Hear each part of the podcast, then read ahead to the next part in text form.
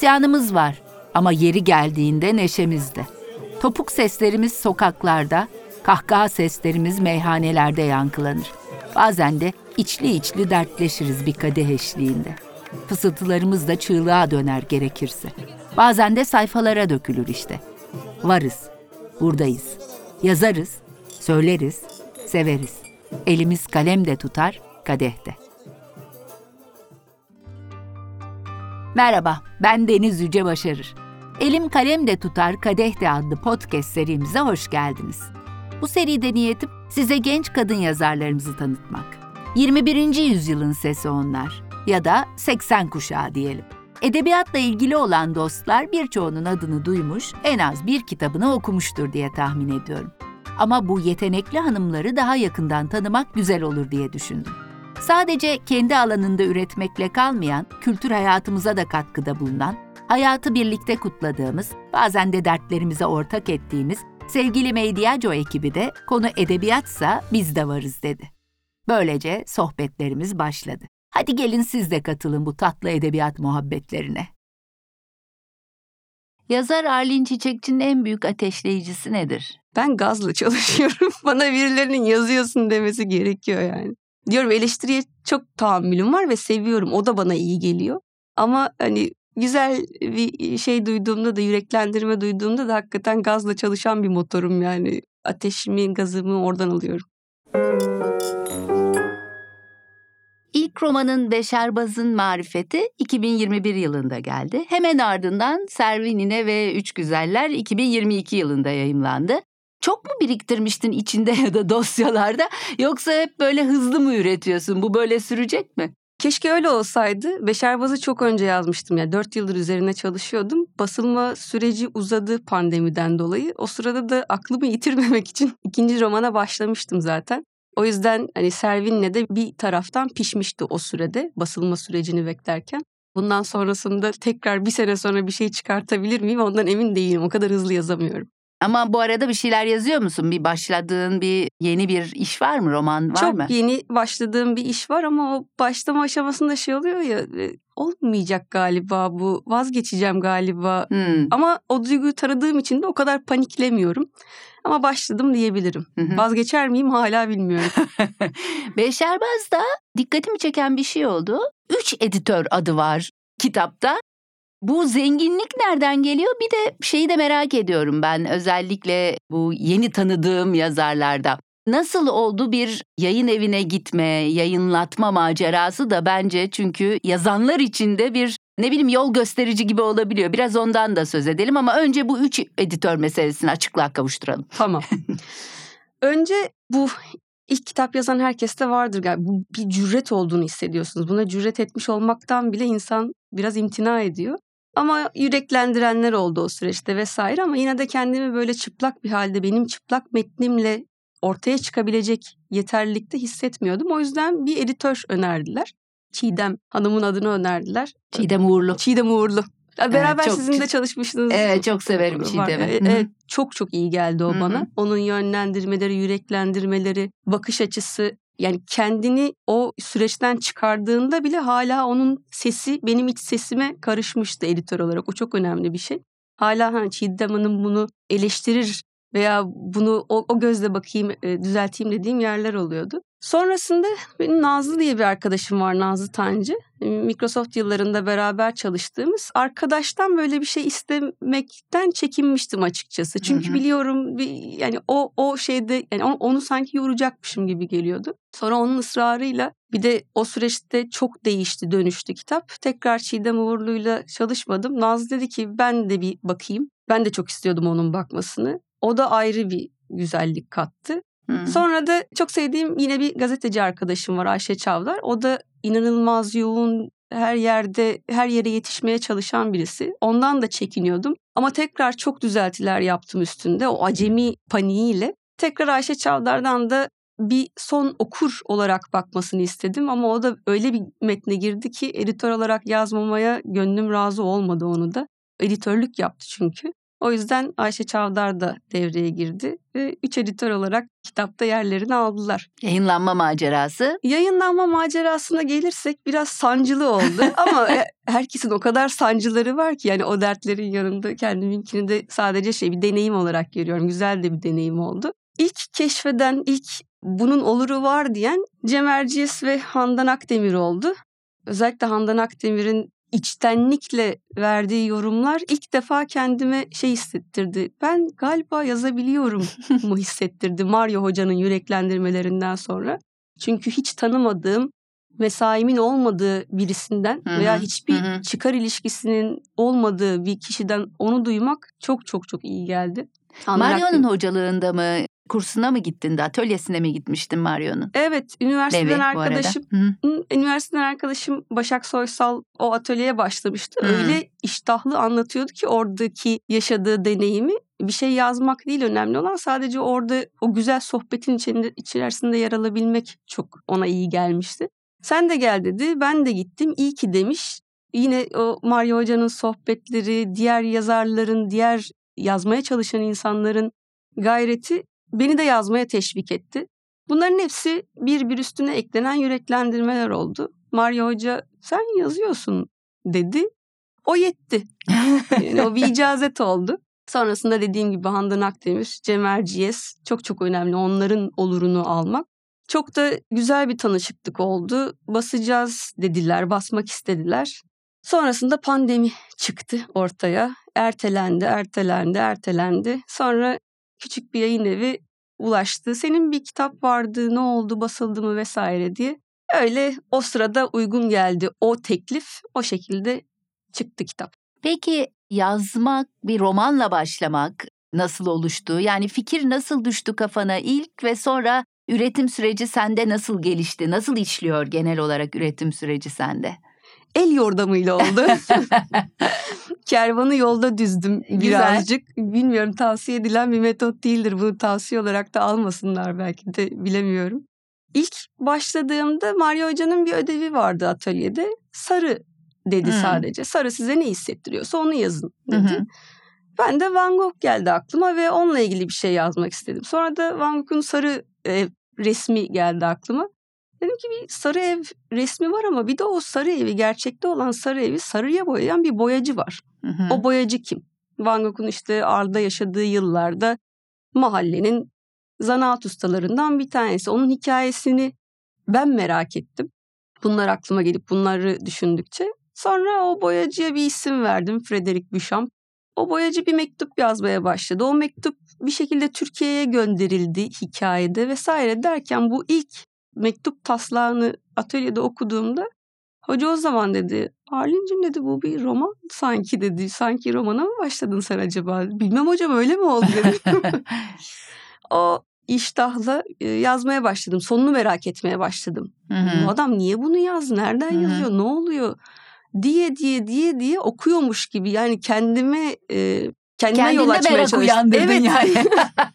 ne olacak Önce bu? kendimde merak uyandırdım diyorsun. Güzelmiş bu. Biraz öyle oldu. Bu nereye varacak diye böyle yazmaya mecbur hissettim kendini devamını getirmeye ama zor oldu tabii ki. Yani planlı programlı işin metodunu bilmeden hiç Hmm. yol yordan bilmeden yazmak hem uzun sürdü hem de sancılı bir süreçti ama ben dünyalara değişmeyeceğim de bir zevk verdi tabii Ama ki. ikincisinde daha profesyoneldin herhalde. Bu sefer daha planlı programlı mı gittin? Çok o da sayılmaz ama en azından kendime güvenim vardı. Hmm. Yani buradan gidiyorum tereddüt etmemek de zaman kazandırıyor insana. Her tereddüt bir geri dönüş, her Doğru. tereddüt bir adım e, geriye götürebiliyor. Servin'le de tereddüt etmeden kendime güvenerek biz buradan çıkarız, buralara varırız diye sonunu bunda da hiç bilmiyordum. Aklımda yatırın fikri vardı, o yatırı kurtarmanın fikri vardı. Onun dışında o kadın hikayeleri vesaire hiç yoktu. Bunun bir kadın hikayesi, kadına yönelik şiddete e, parmak basan bir hikaye olacağını özellikle hiç bilmiyordum. E, Öyle evrildi. Ama evet daha kontrol bendeydi bunda. Hı hı. Her iki romanda da bir büyüme hikayesi görüyorum ben. E, her ne kadar ana karakterlerinin yaşları çocuk yaşta olmasa da Suna'da da Atlas'ta da yani Servinine'deki Suna'da da e, Beşerbas'taki Atlas'ta da bir yerden bir yere ilerliyor karakterler. Suna yeni bir hayata adım atarken biraz fabrika ayarlarına dönüyor diyebiliriz ama bu da bir büyüme hikayesi sanki. Atlas da yaptığı yollar, araştırmalarla o da bir zincirlerinden kurtuluyor. Katılır mısın? Büyüme hikayelerini sever misin? Büyüme, dönüşme sanırım yani hiç büyüme olarak düşünmemiştim ama dönüşme, öze öze dönme özellikle. Yani Atlas'ta da hep böyle kendimi yakaladığım, kullandığım kelimelerden bir tanesi o. Özüne Fabrika Gel- ayarlarına Ah, dediğim o. Aynen Evet. öyle. Fabrika ayarları güzel söylediniz. O fabrika ayarlarına dönme hikayesi gibi. Çünkü mesaide bulunduğunuz insanlar, korkularınız, toplum baskısı neyse o adı üzerinizdeki baskının kendimizden vermemize sebep oluyor. Eksiliyoruz biraz biraz. Hı hı. Kendimize olan güvenimiz yitiyor. Mış gibi davranıyoruz. Tekrar o ayarlara dönmek için bir umut, bir bir olay, bir kıvılcım gerekiyor bazen. Herhalde o kıvılcımları o karakterlere verirken kendime de bir umut göstermek istedim orada. Çünkü hepimizin yaşadığı dönüşümler, değişimler bunlar. Sadece görmek, farkında olmak lazım sanırım. Hı hı. Peki büyüme hikayelerini sever misin? Gençlik romanlarını çok e, Ama benim kastettiğim tabii ki hani bu Bildungsroman dediğimiz, coming of age dediğimiz ne bileyim çavdar tarlasında çocuklar gibi, Aa. bülbülü öldürmek gibi falan hani kastettiğim onlar. Evet yani o tür örneklerin hepsi tabii ki hani o türe bambaşka bir gözle bakmamızı sağlıyor. Çardar Tavlası'nda çocuklar dönüp dönüp Narsis e, ve Goldmund bile öyle mesela bence. Onu bilmiyorum. Ee, Herman Hesse'nin Narsis ve Goldmund'u da öyle bence o da bir büyüme hikayesi. Kastettiğim büyüme hikayesi gençlik romanları değildi yani. Tamam ben öyle düşünmüşüm. Yok evet yani bu örnekler ba- başka bir seviyede. Seviyorum diyebileceğim bir tür de yok aslında. Yani Hı hı. bir türü sevemiyorum ben. Yani bir türü komple sevip bir türü komple reddedemiyorum. Tür de çok bilmiyorum da aslında. Yani bana sorsanız sen ne türde? O yüzden gençlik romanı, büyüme romanı onlar kafamda çok da net değil. Belki hani edebiyatın o kuramlarını bilmek, oturtmak da kafada önemli. Ama türe çok tür olarak bakmıyorum. Yani kitaplara tür olarak bakamıyorum. Hı hı. Gene bir ortak özelliği var iki romanın gibi geliyor bana. İki romanda da bu ana karakterlerimize yol gösteren ya da onları şekillendiren, onların hayatında bir çeşit gözetmen gibi bakan iki karakter var. Yine Beşerbaz'da Hulki, Servinine'de de Servinine. Bu rehber, gezgin, usta, çırak, el almak bunlarla edebiyat anlayışında bu kavramların yeri olduğunu düşündürttü bana bu iki roman. Belki kişiliğinde de ne dersin? Öyle çok da güzel yakalamışsınız o satır arasında.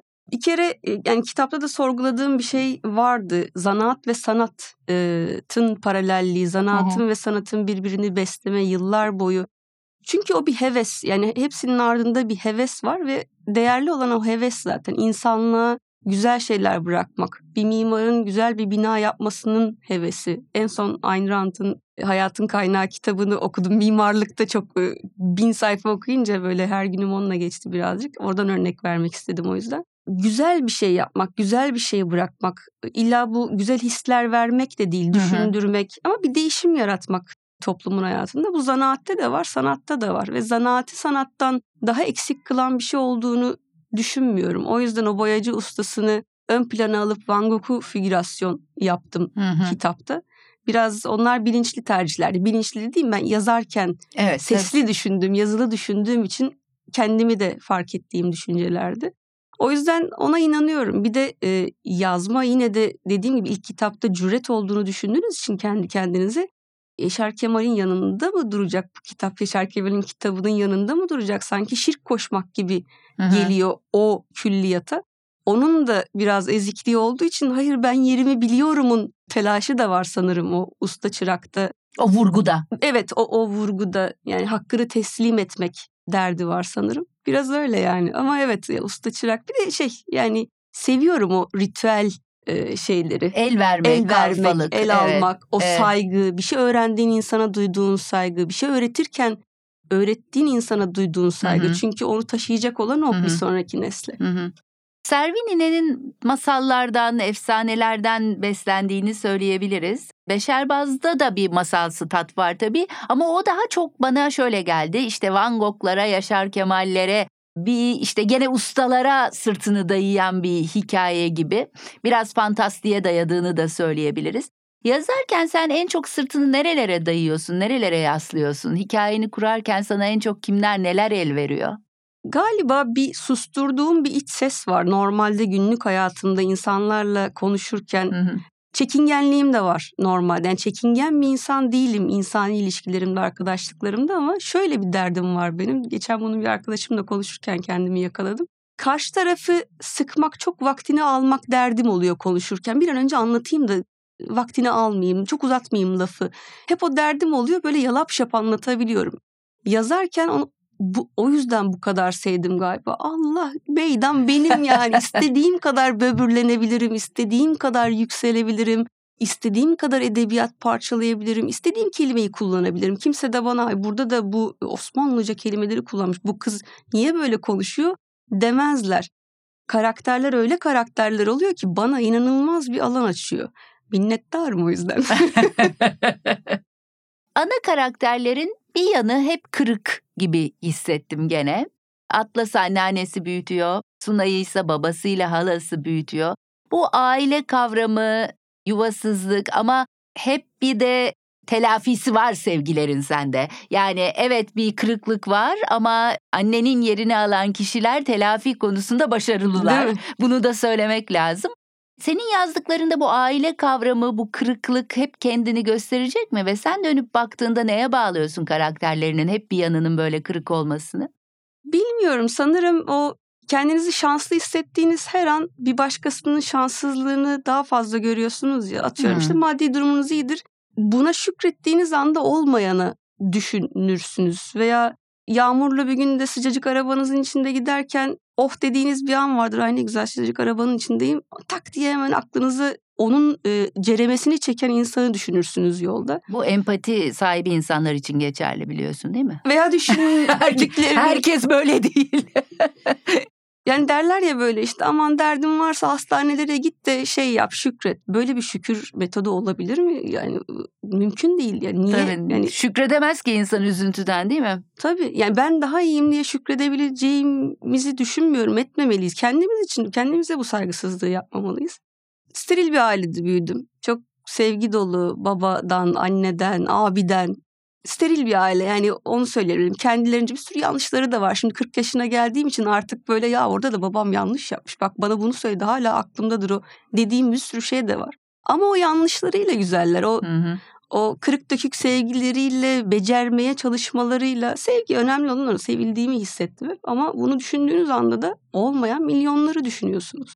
O dert var o Hı e, hı. aile eksikliklerinin ardında yazdıklarımın. Tekrar onlar olur mu diğer öykülerde bilmiyorum. Aa şimdi yok yeni başladığım da biraz öyle aslında. şimdi siz sorunca anladım. Demek ki o kırıklık bir yerde duruyor. Yani o kırıklığa sahip çıkıyorsun. Başkalarının kırıklığı olsa da. Evet.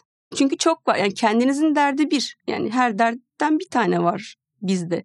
Ama etrafa baktığınızda o derdin varyasyonlarını görüyorsunuz. Çok var yani o daha ön plana çıkıyor o yüzden. Hı hı. Demiyorum ki kendimi düşünmüyorum hiç hiç. Ben hep başkaları öyle bir şey öyle bir melake bir yerden söylemiyorum bunu. Matematiksel bir şeyden bahsediyorum. Servinine ve Üç Güzeller kadına şiddet gibi günümüz Türkiye'sinin en temel dertlerinden birinin üzerine kurulmuş bir roman aynı zamanda. Kadın dayanışmasını çağıran bir roman. Bu konuda bir şeyler söylemek ister misin? İsterim tabii isterim. Dediğim gibi kitaba bu niyetle başlamadım. Öyle evrilmesine direnç de gösterdim. Çünkü bazı dertlilerin ticarileştirilmesine ve kolayına kaçmasına rahatsız olduğumu gördüm bazı eserlerde. Kendimde de onu mu yakaladım deyip bir sorgum oldu. Ama samimiyetle ilerlediğimi gördükçe kendimi özgür bırakmaya başladım ve iş oraya evrildi biraz. Biraz da şunun da derdi vardı yani ben kom- komik bir şey yazmak için başladım aslında bu romana. Yani Hı. dil de biraz fark ederseniz sarkastik bir dili var Servin'in. Masalsı sarkastik böyle tatlı bir evliya yani. Esprili nükteden biraz da şey hey heyli. Evet, evet. hey heyli bir karakter. Öyle başladım ama böyle evrilince bir derde düşmeye başlayınca ona da bir direnç gösterdim. Ama sonrasında çok da müdahale edemiyorsunuz. Ne kadar kontrol sizde de olsa Metin bir yerden sonra gel gel buradan gidelim diyor. Masalsı bir anlatımım var. Türkçenin alanını genişletmeye çalışan bir anlatımım var. Çok genç olmana rağmen geçmişten de dili kullanmayı, kelimeleri kullanmayı seviyorsun. Anadolu'nun sesine değer vermekten yanasın. E bu anlamda nerelerden besleniyorsun? Çünkü senin jenerasyonunun Türkçesi, tabii ki sen yazıyorsun ama gene de senin jenerasyonunun Türkçesi gibi değil Türkçen. Yani aslında bu bana bir iltifat değil de bizim içinde bulunduğumuz coğrafyaya çok güzel bir iltifatta bulundunuz. Katılıyorum. Çok besleyici, çok renkli. Ondan faydalanmamak da mümkün değil. Yani bir lehçe duyduğumda, yeni bir söz duyduğumda, bir Kayseri'den, Sivas'tan gadasını aldığım dediğinde yaşlı bir insan ki anneannem de kullanırdı o lafı yayam. Direkt onu sünger gibi emiyorum. Çok güzel çünkü çok büyük bir renk veriyor. Şeye de karşı değilim ben. İngilizceden kullandığımız bazı terimlerin de doğalında yerleşiyorsa eğer dile buna da direnç göstermemek gerektiğine inanıyorum. O kelime anlatıyorsa derdimi tukaka yap, edemem. yapmam, edemem.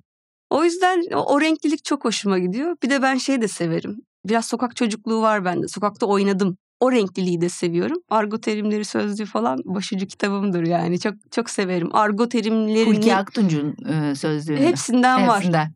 Hepsinden var. Ve şey orada her argo sözcüğünün arkasında bir hikaye olduğu için geçen bir yerde örneği ver, o örneği vermiştim bir yazıda.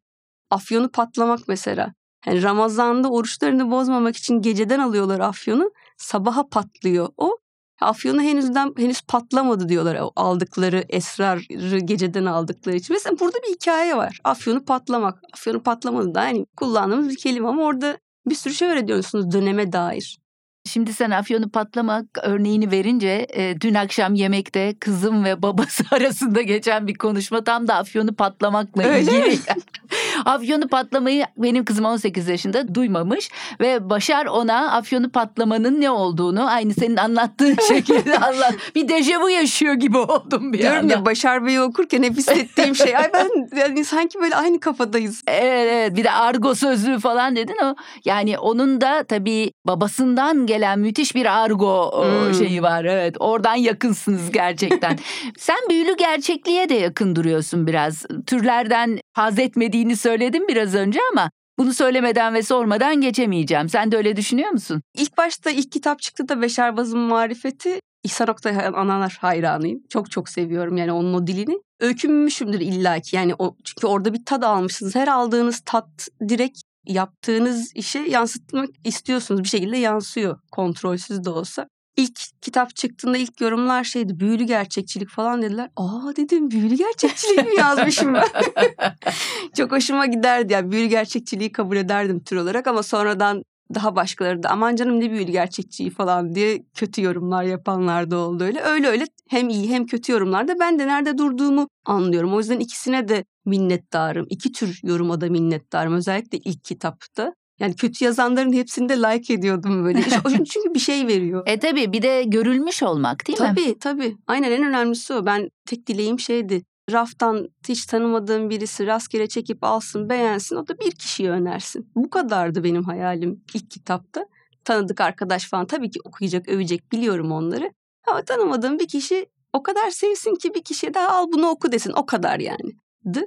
Neyse lafı dağıttım yine. Ne diyordum? Büyülü gerçekçilik dediklerinde İhsan Oktayanar'a benzetenler olduğu tarzım falan Allah yani onlar çok böyle yükseltti tabii beni. Ama tam da değil sanırım artık ben de kafamda ufak ufak oturttum. Tam öyle de değil.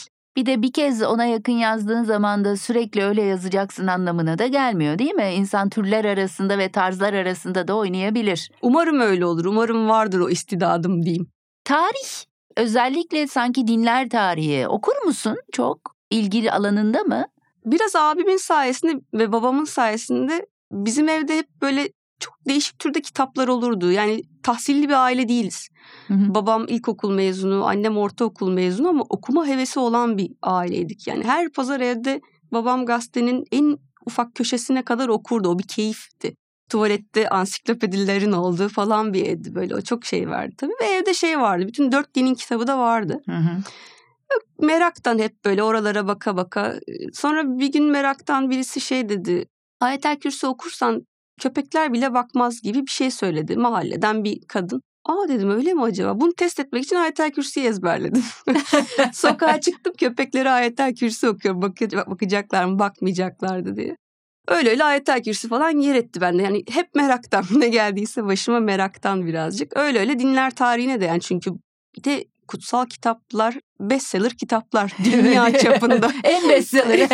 en bestseller onları okumadan başlamak da olmaz diye düşündüğümden hevesim var. Yani biliyorum diyemem. Tabii ki unuttum. Çok karışık zaten öyle. Her şeyi anlamak da mümkün değil kutsal bir kitap okuduğunuzda. O yüzden o, o meraktan oldu birazcık. Bir de şey imanlı birisi hiç değilim. O yüzden o mesafeyle de okuyabiliyorum. Hı. O yüzden bir tarih gibi bakabiliyorum olaya. Necip Mahfuz'un Cebelavi Sokağı'nın çocukları vardır. Beni en çok etkileyen kitaplardan birisi olmuştu. O- Onun gibi birazcık yani onun baktığı gibi bakıyorum. Bunlar oldu bunlar böyle böyle böyle evrildi. O zaman çok böyle yukarıdan bakıp aa doğru ya burada bir tarih var. Birbirine bağlı bir tarih var. Gökten zembille inmiş farklı farklı yerlere inmiş şeyler değil de. Orada bir gelişim, bir dönüşüm, bir insan hikayesi, bir mahallenin dönüşümü gibi bir dönüşüm var. O yüzden onlar da merakımı cezbediyor. Bir gün otobiyografik bir şeyler yazmayı düşünür müsün? Yok sanmıyorum. Ama sa- galiba zaten her kitapta illa kendimizden bir şeyler veriyoruz. Bir ipuçları oluyor. Belki orada o zehri veya sıkıntıyı veya mutluluğu paylaşmak istediğimiz ne varsa hayatımıza dair aktardığımız için belki o ihtiyaç azalıyor yazdıkça. Hı hı. Ama yok. Hı hı.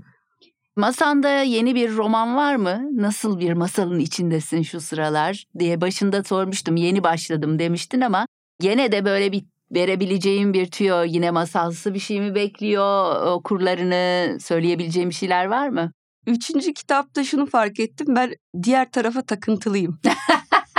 yani böyle bir ahiret burası yani ölümden sonraya biraz takıntılıyım. Orada ne oluyor çok merak ediyorum. Biraz da babayı kaybetmenin de etkisi olabilir Hmm. belki. Yani, Genç yaşta mı kaybettin babanı? Evet 23 yaşında kaybettim. Her yaş genç tabii, Tabii. e, baba ve anne konularında. Biraz onun da herhalde derdi ve ekstra bu dertle oluşan merakı var veya bu dertten beslenen merakı var. Yine öyle bir hikaye oluyor. Böyle tuttuk yine ahirete yolculuk yapmaya başladık. Ahiret de değil aslında hani çok detayını e, şey yapmayayım. Ama ahiretin paralelinde bir evren gibi. Oradan seslenen Yine fantastik bir Evet, e, var. tını geldi bana Evet. buradan. öyle öyle bir şeyler var ama yine yere de gerçek zemine oturur diye düşünüyorum. Çünkü fantastikte kalamıyorum ben. Hı hı. Belki o imanım ve o inancım zayıf olduğu için bilimin dışındaki her şeye kendimi de böyle ayaklarımı bastırıyorum ama belli de olmaz. Ben de dönüşeceğim belki.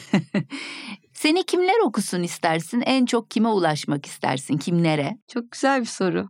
İlk başlarda bunu şey diye düşünüyordum. Sonrasında unuttum düşünmeyi üstüne. Sevdiğim yazarların okurları, çağdaşım olan yazarların okurlarını hep kafamda. Şey diyordum Alper Can'ı güzel okuyanlar okusun beni. Hakan Günday okuyanlar okusun. İhsan Oktayanar okuyanlar okusun. Seray Şahiner okuyan ok- okuyanlar okursun. Latife Tekinlere falan böyle yok o kadar da değil canım. Ona da cüret etmeyeyim falan diyordum. Ama yani evet yani sevdiğim yazarlardan kerteriz alıyordum kendime. Onların okurlarından çalasım vardı. Az çok da oldu onlarda böyle o hoşuma gidiyor. Yani sizde işte Alper Canıgüz tadı aldım şu esprili dilinizde veya işte İhsan Oktayanar'a en ufak benzeten birisi olursa seviniyorum o tür yorumlara. Yeter diye sıçrayarak uyanıyor Suna. Yeter'in önünü sonunu biraz değiştirerek rüyasında fısıldadığım hikayesini hayal meyal hatırlıyor. Zihninde yakaladıklarının ucunu kaçırmaktan korktuğundan, yüzüne bir su bile çarpmadan ıvırını zıvırını tıktığı yatağın yüklüğünden acenteden verdikleri turuncu kapaklı bir ajanda çıkarıyor. Gözünün çapağı silinmeden, ensesinin yastık teri soğumadan, gerinmeden, erinmeden iki büklüm oturuyor ikili koltuğuna. Başlıyor kucağındaki eşantiyon ajandaya yazmaya. Benim rüyasında fısıldadıklarıma üç beş de o ekliyor, yazıyor da yazıyor. Adı Yetermiş. Çilesi on dördünde başlamış. Kaynatasından ayrı, kocasından ayrı çekmiş. Kaynatasının kaynanasını dövdüğü gibi kocası da Yeter'i dövermiş. Bahtının karası gözünün ferine çalınmış da gün yüzü görmemiş. Ne çocuk olabilmiş ne de taze bir kız. Çilesi doldurmakla, gözyaşı ağlamakla bitmemiş. Tekmeden tokattan çürümüş etleri iyileşmeden taze yaralarının üstüne bir yenisi eklenirmiş. Yıllar yılı canı öyle yanmış, öyle yanmış ki canının yanığını dindirmek için aklı buz kesmiş. Böyle böyle iyi sıhhatte olsunlar ara ara uğrar olmuş. Kaynatasının ölüm haberini aldığı günde aklı fasılalı işlediğinden ya da kim bilir şuuru hiç olmadığı kadar pirupakken kadıncağızı bir gülme almış. Ama ne gülmek. Öyle bir gülmek ki kurtla kuzu bir olup uluyarak karşılık vermiş. Yeter katıla katıla kahkahalar atmış. Yerlerde yuvarlana yuvarlana, duvarlara vura vura, dizlerini döve döve, saçlarını yola yola gülmüş. Yeter'in bu halini gören kocasının cinleri tepesine üşüşmüş. Gözü kararmış, vurmuş da vurmuş. Kocasının her vurduğu yere Yeter de bir de kendi vuruyormuş. Kocası bir tokat atıyorsa Yeter kendine iki vuruyormuş. Kocası daha da hınçlanmış. Yumruklarla, tekmelerle, soba maşasıyla, oklavayla, kilimle, sandalyeyle, tepsiyle, eline ne geçirdiyse onunla dövmüş. Kocası Yeter'e öldüresiye vurmuş. Yeter kendine öldüresiye vurmuş. İkisinin de takati bite yazmışken, kocasının Osmanlı topuzu gibi indirdiği o son yumrukla can verdiğinde, Yeter'in beyaz entarisi büsbütün kan içindeymiş. Ne olduysa o an olmuş. Daha kocasının soluğu sakinlemeden, alnının teri yere düşmeden, Yeter'in beyaz entarisindeki kan izleri bir anda uçup gitmiş, silinmiş. Kaybolan kan izlerinin yerine pıtrak gibi karanfiller bitmeye başlamış. Bir karanfil, iki karanfil, üç karanfil derken, gözlerinin önünde cansız yatan karısının elbisesinde peyda olup, arsız bir alev gibi evin her yanını saran kırmızı karanfilleri gören iblis kocanın yüreği ağzına gelmiş. Beti benze atmış, soluğu kesilmiş. O an, o dakika, o da büsbütün aklını yitirmiş. İpinden kendirinden kurtulmuşçasına yayan yapıldak yollara vurmuş kendini. Konuya komşuya, Ali'ye Veli'ye, dosta düşmana, ötekine berikine, kurda kuşa, börtüye böceğe, çalıya çırpıya, dağa taşa, dereye tepeye, bağa bahçeye. Ben bir ermişi öldürdüm ha dostlar. Al canımı Allah'ım. Ben bir ermişi öldürdüm diye uluya uluya 111 yaşına kadar can çekişmiş. Ölememekten öte azap olur mu bu dünyada? İşte o da bu en büyük azabın girdabına düşmüş. O gün bugün yeterin ermişliği dilden dile, kulaktan kulağa, camdan cama, köyden köye, şehirden şehre dolaşmış. Bilenler bilmeyenlere, beşikte bebelerini, ocakta aşlarını, ahırda işlerini, ipte göyneklerini, ateşte güğümlerini, elekte unlarını, tandırda ekmeklerini, derede tokaçlarını, çeşmede testilerini, sazlıkta tırpanlarını, mangalda küllerini unutup, ayaklarına bir don geçirmeyi bile akıl edemeden koştura koştura, yemeden içmeden, durup dinlenmeden yetiştirmiş. Yeter'in yılların tozu toprağıyla örtülüp yerin altında kalan sandukasından her yıl boy boy kırmızı karanfiller bitermiş. Bazallah kabrine hürmette kusur edilecek olsa, karanfiller yedi düvele yayılır da asla ve kata önü alınamazmış. Namı diyar diyar yayılan evliya yeter, nah şuradaki parkta, şu servi ağacının altında, yani Servi ninenin yanında yatarmış. Yeter, üç güzellerin en güzel seslisiymiş. Bazı mübarek günlerde o en sevdiği türküyü okurmuş. Bir ay doğar ilk akşamdan, geceden, neydem, neydem geceden. Şimdi biraz kısa kısa sorular soracağım. Sen istediğin uzunlukta yanıt verebilirsin tabii. Yazmak senin için bir armağan mı bir külfet mi? Armağan. Kesinlikle armağan. Ya yazamamak bir gün eğer yazamayacağını bilsen ne hissederdin? Öyle gerekmiştir diye düşünüp ona da boynumu eğerdim. Yani yazmak bir ihtiyaç. O ihtiyacım bitmişse de bitmiştir. Benim de verebileceğim çok bir şey herhalde yoktur ondan sonrasında. Yazmak dışında hangi yeteneğinin de olmasını isterdin? Niçin? Hmm, güzel soru. Resim çizmek herhalde. Yani güzel çizebilmeyi isterdim. Bayağı kötüyüm. Türkiye'de kadın olmak dediğimizde aklına ilk hangi kelimeler geliyor? Mücadele. Yani erkek gibi gözükmemeye dair mücadele. Ben oğlan çocuğu gibiydim bir ara. Saçlarım kısa, yürüyüşüm böyle heybetli şey, kabadayı gibi. Sonra sonra sonra sonra anladım ki hayatta kalmak için bu kadar da erkek olmam gerekmiyor yani kadın kadın olabilirim diye etekler giymeler, makyaj yapmalar zaman aldı bu bir mücadele gerektirdi. Türkiye'de yazar olmak dediğimizde peki? Büyük bir skala herhalde. Yani onun neresinde durduğunuz önemli. Ve ben yazma ihtiyacı, hevesi olan herkesin yazmasından taraftarım. Herkesin söyleyecek bir şeyi var. Herkesin onu dinleyecek bir kitlesi de var. Sen yazma. Ay bu da yazmasın artık. İşte o çok satanlar diyoruz, WordPress'ler diyoruz, şey yapıyoruz falan. Ayrışıyor bir şekilde iyi kötü. Herkes kendi kitlesini buluyor. Yani ben de çünkü o cüreti göstermek konusunda çok yüreklendirilmem gerekti. Bir sürü insanda da öyle yazalım yani. O skalada bulacağız yerimizi. Keşke ben yazsaydım dediğim bir kitap var mı? Bu sorulara hep başka başka cevaplar veriyorum. Geçen ne verdim hatırlamıyorum ama şimdi demin konuştuğumuz için şeyi söyleyebilirim. Necip Mahfuz'un Cebelavi Sokağı'nın çocukları. Orada başka bir hem bilgi birikimi hem de onu öyle görebilmek ve çok ilk ilk bir anlatım. Onu isterdim. Hangi yazar ve kitapların elinde büyüdüğünü düşünüyorsun? Yaşar Kemal İlki, Dostoyevski, Daniel Defoe okumanın hazzını ilk aldığım için yani yazmak sonradan geldi ama okumanın hazzıyla başladığı için bu gönül birlikteliği edebiyatla veya yazıyla ya metinle o formlarla onlarla başladı. Sebahattin Ali'ler, Reşat Nuri Güntekinler yani neyi saymasam eksik kalacak gibi Latife Tekin yani söylemekten adını anmaktan bıkmayacağım yazarlardan. Ve çağdaşım olan yazarlarla da büyüyorum şimdi. Fatih Gezer var. Tanıdığıma inanılmaz mutlu olduğum çok iyi bir kalem. Yani çok çok güzel yerlere geleceğini düşünüyorum. Caner Almaz var. Meryem Gültabak var. Yani çağdaşlarımdan da eskilerden alamadığım başka bir tadı alıyorum. Onlarla da büyüyorum. Yazar Arlin Çiçekçi'nin en büyük ateşleyicisi nedir? Ben gazla çalışıyorum. Bana birilerinin yazıyorsun demesi gerekiyor yani. Diyorum eleştiriye çok tahammülüm var ve seviyorum. O da bana iyi geliyor. Ama hani güzel bir şey duyduğumda da yüreklendirme duyduğumda da hakikaten gazla çalışan bir motorum yani. Ateşimi, gazımı oradan alıyorum. En büyük engeli nedir? Benim mi? En büyük engelim kendim herhalde. Hep öyleyiz ya. O işte ara ara düştüğümüz özgüvensizlik karanlığı var. Bu iki kitabı yazdım ama şansı oldu galiba gibi ara ara kötü düşüncelerim oluyor. Ama iyi taraf kazanıyor. Daha pozitif taraf kazanıyor genelde. O yüzden engelleri, kendi yarattığım engelleri aşabiliyorum bir şekilde. Vazgeçemediklerin? Aile, arkadaşlar. Yani edebiyata vesaire de değişmeyeceğim yani. Edebiyat falan diyemeyeceğim yani. Hani aile arkadaşlar olsun gerisi hallolur.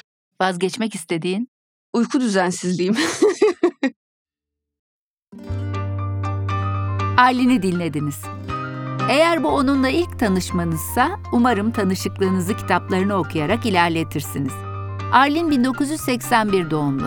İstanbul Üniversitesi İletişim Fakültesi Radyo, Televizyon, Sinema bölümünde okumuş. Yıllarca çeşitli prodüksiyon şirketlerinde kurgucu ve yönetmen yardımcısı olarak çalıştıktan sonra bilişim teknolojileri sektörüne atlamış. Bu arada yazmayı da ihmal etmemiş ve 2021 yılında ilk romanı Beşerbaz'ın Marifeti, 2022'de de Servinine ve Üç Güzeller buluşmuş okurlarla. Biraz önce paylaştığım satırlarda bu son romandandı. Biz sohbetimizi kaydettikten bir süre sonra da Servinine ve Üç Güzeller'in Duygu Asena roman ödülünü kazandığı haberi geldi. Ne güzel değil mi? Nice ödüllere diyelim. Ve Arlin'e çıktığı yolda hiç durmadan yürümesini dileyerek bitirelim bölümü. Kadehlerimizi de tüm üretken kadınlarımıza kaldıralım. Bu kez de Kamran Akkor fısıldasın kulaklarımıza. Bu gece son gecemiz, acı günler yakında. Bir ömür böyle geçti, olamadık farkında. At kadehi elinden, bin parçaya bölünsün, dökülsün meyler yere, hatıralar gömülsün. Şarkılarımız, kahkahalarımız, isyanımız. Evet efendim, yazarlarımızla buluşmayı sürdüreceğiz. Görüşmek üzere.